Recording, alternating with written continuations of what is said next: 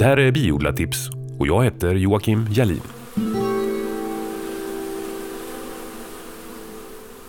April glider nu långsamt över i maj.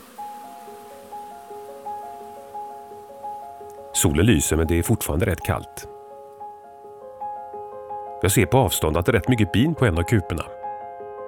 Alla verkar samlade på en större solbelyst fläck på ena sidan. Konstigt ställe att sitta på nu, tänker jag. Så här års. Någon svärmning kan det inte vara tal om. Jag går några steg närmare för att kika lite.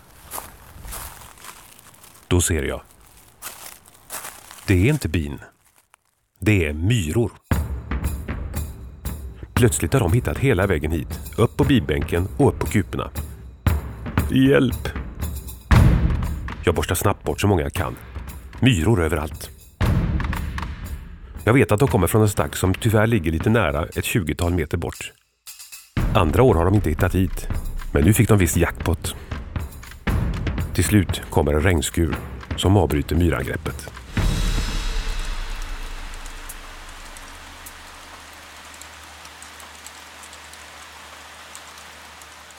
Men varför kom så många myror just idag?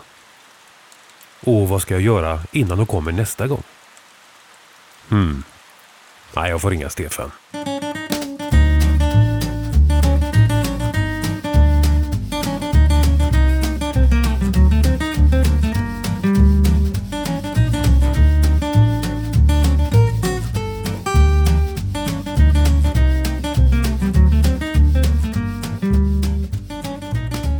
Det, det är tydligen så att de här stackmyrorna, på våren så skapar de sig vägar att gå. Aha. Då upptäcker de nya stråk. Man ser ju ofta myrstigar.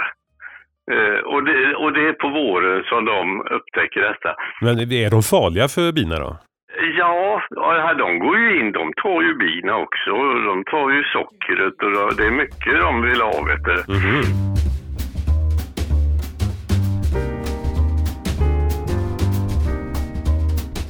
Det finns ju gott om tips på nätet om vad man kan göra för att undvika att få myrorna på kuporna.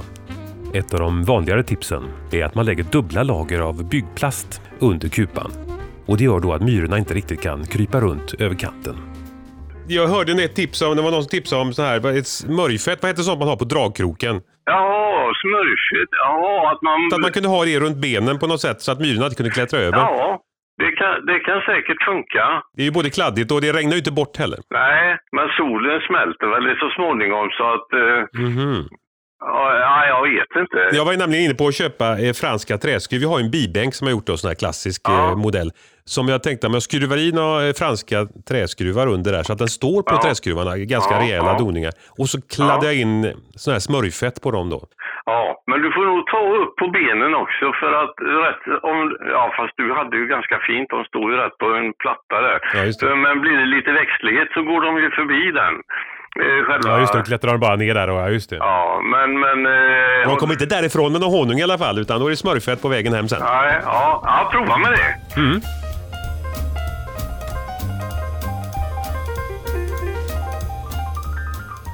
Stefan berättar om en bekant han har som har fått lösa sitt myrproblem på ett lite speciellt sätt. Han har inga bin hemma. Nej, jag kan inte ha det så här. Jag har så mycket myror. Jaha. han har inte ens... Han har löst det så att han har bina på andra platser. Ja, ja, för att, Men- ja, ja, för att myrorna får bestämma där så att säga. Ja. För, ja, för myror. Han, han klarar inte av det. Eh, att, att det var för mycket myror. Men vad är det egentligen som kan hända om man får besök av för mycket myror? Ja, de tar både, eh, både honungen och bina och jag tror de tar, jag vet inte om de tar pollen också, men, men det, det, de tar död på samhället. Så småningom dör samhället. Mhm. Ja, ja. Men vad, kan inte bina försvara sig mot myror då man? Nej, det, har de, nej, det gör de inte. Jag vet inte varför.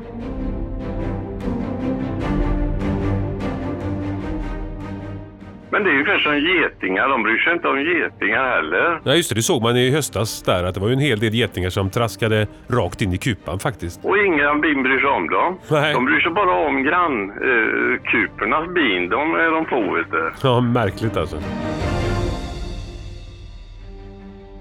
Ja visst, och de att ta sig in och de går ju in, om man öppnar så tar ju de sig in eh, uppifrån också på alla möjliga sätt. Så att, eh, nej, det, de, det var jobbigt i somras med dem, men jag hade några flaskor med saft som eh, jag ställde in och hängde där.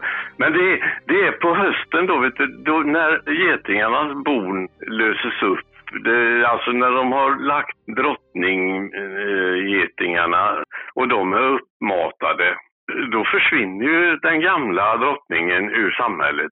Och då alla arbetsgetingar då, som har byggt upp det här samhället under sommaren. Mm. De, dels har de ingenstans, inget bo och dels så har de ingenting att äta. Så de måste ut och det är de, det är de vi har ont av i augusti då. Mm -hmm. Då åker de runt och skaffar mat till sig själva. För de överlever ju inte sen vintern utan de dör ju också då. Men alla hela boet, deras bo är upplöst. Ja just det, men hur allvarligt är det att få getingar i kupan då? Hur farliga är de för bisamhället? De, jag tror inte de tar död på ett samhälle. Nej, nej bina går inte under för att det är getingar som hämtar lite nej, mat? Nej, men myror som kommer dit på våren, det är värre. För de kommer att gå där hela sommaren och hämta mat och dra hem till sitt yngre. Så det, det är värre.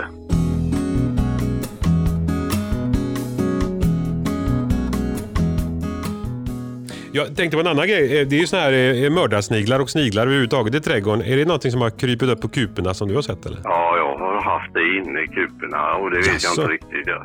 ja, jag får pilla bort dem på något vis.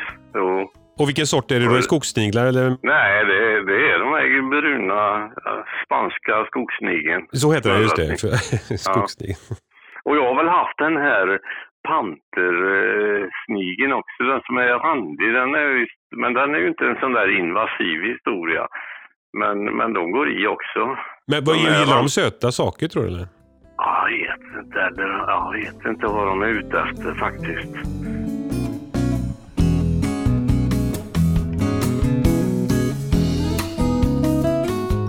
Nu har jag renoverat min kupa som blåste ner och jag fick ju såga av benen, benen lite för de var ruttna. Och då satte jag i ett par, jag hade kamspik, stora grova som jag inte vet vad jag skulle ha till. Har fått på jobbet någon gång. Eh, och de slog jag i, men det, det funkar ungefär som eh, skruvar. För det, det har jag gjort förut. Och då står de på spikarna då som fötter? Och så alltså. stå, ja, ja, kan du ta lite smörjfett på de benen där då? Ja. Så slipper du kanske myrorna där då? Ja, det kan man faktiskt göra. Ja. Jag har köpt en tub idag i alla fall för att se om det funkar. Jag ska prova. Ja, ja visst. Men eh, kleta på lite på benen ner till också ska du se så, att, så är du säker på att de inte slinker förbi det. Det, det räcker med ett grässtrå, vet du, så går de på det. Så, De är fenomenala. Vet du. Ja, verkligen. Eh, en del ställer ju dem i en kopp med smörjolja. Just det. Eh, det är ju det vanliga alla rekommenderar. Och hur, hur bra, hur miljövänlig är smörjolja? Och ut och rinna ner i marken kan man ju tycka också då. Det är det bättre än myrr. Nej, precis. Det, det får man också tänka på förstås. Jo, de ska ju också leva. Jag menar, myror, myror har ju sin plats i naturen. Ja, så visst. Visst. Men det är klart, man inte för nära. Usch, nej. precis.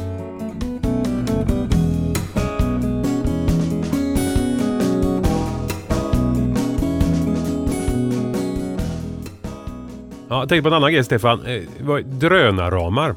Ja, alltså en drönarram ska man ju egentligen sätta till i andra hälften av eh, april.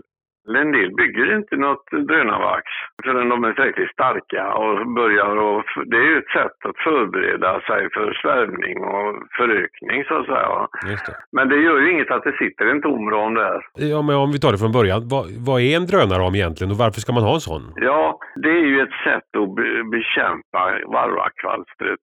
Kvalsterna de föredrar drönarceller att lägga sina ägg i. Därför att drönarna har en längre utvecklingstid. De tar 24 dygn på sig från ägg till de kryper ut. Drottningen tar ju bara 16 och arbetsbinnan 21 dygn. Så att naturen har eh, begåvat varroakvalstret med det förståndet att den lägger det i, i, i, i de som har längst utvecklingstid. Därför att då hinner det kläckas flera kvalster i de cellerna. Det är ju så att kvalsterhonan går ner i den här och hon lägger ägg var 36 sex timmar eller vad det är mellan varje. Mm.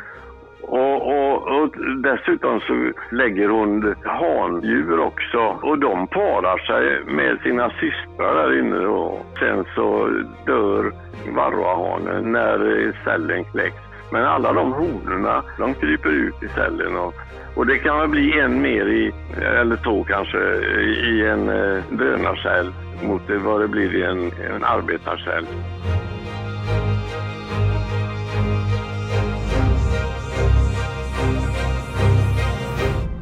Och därför så sätter vi in en tom ram utan mellanvägg. Om den sitter, är tom och sitter i yngelklotet så vill de så bygger de drönarvax där.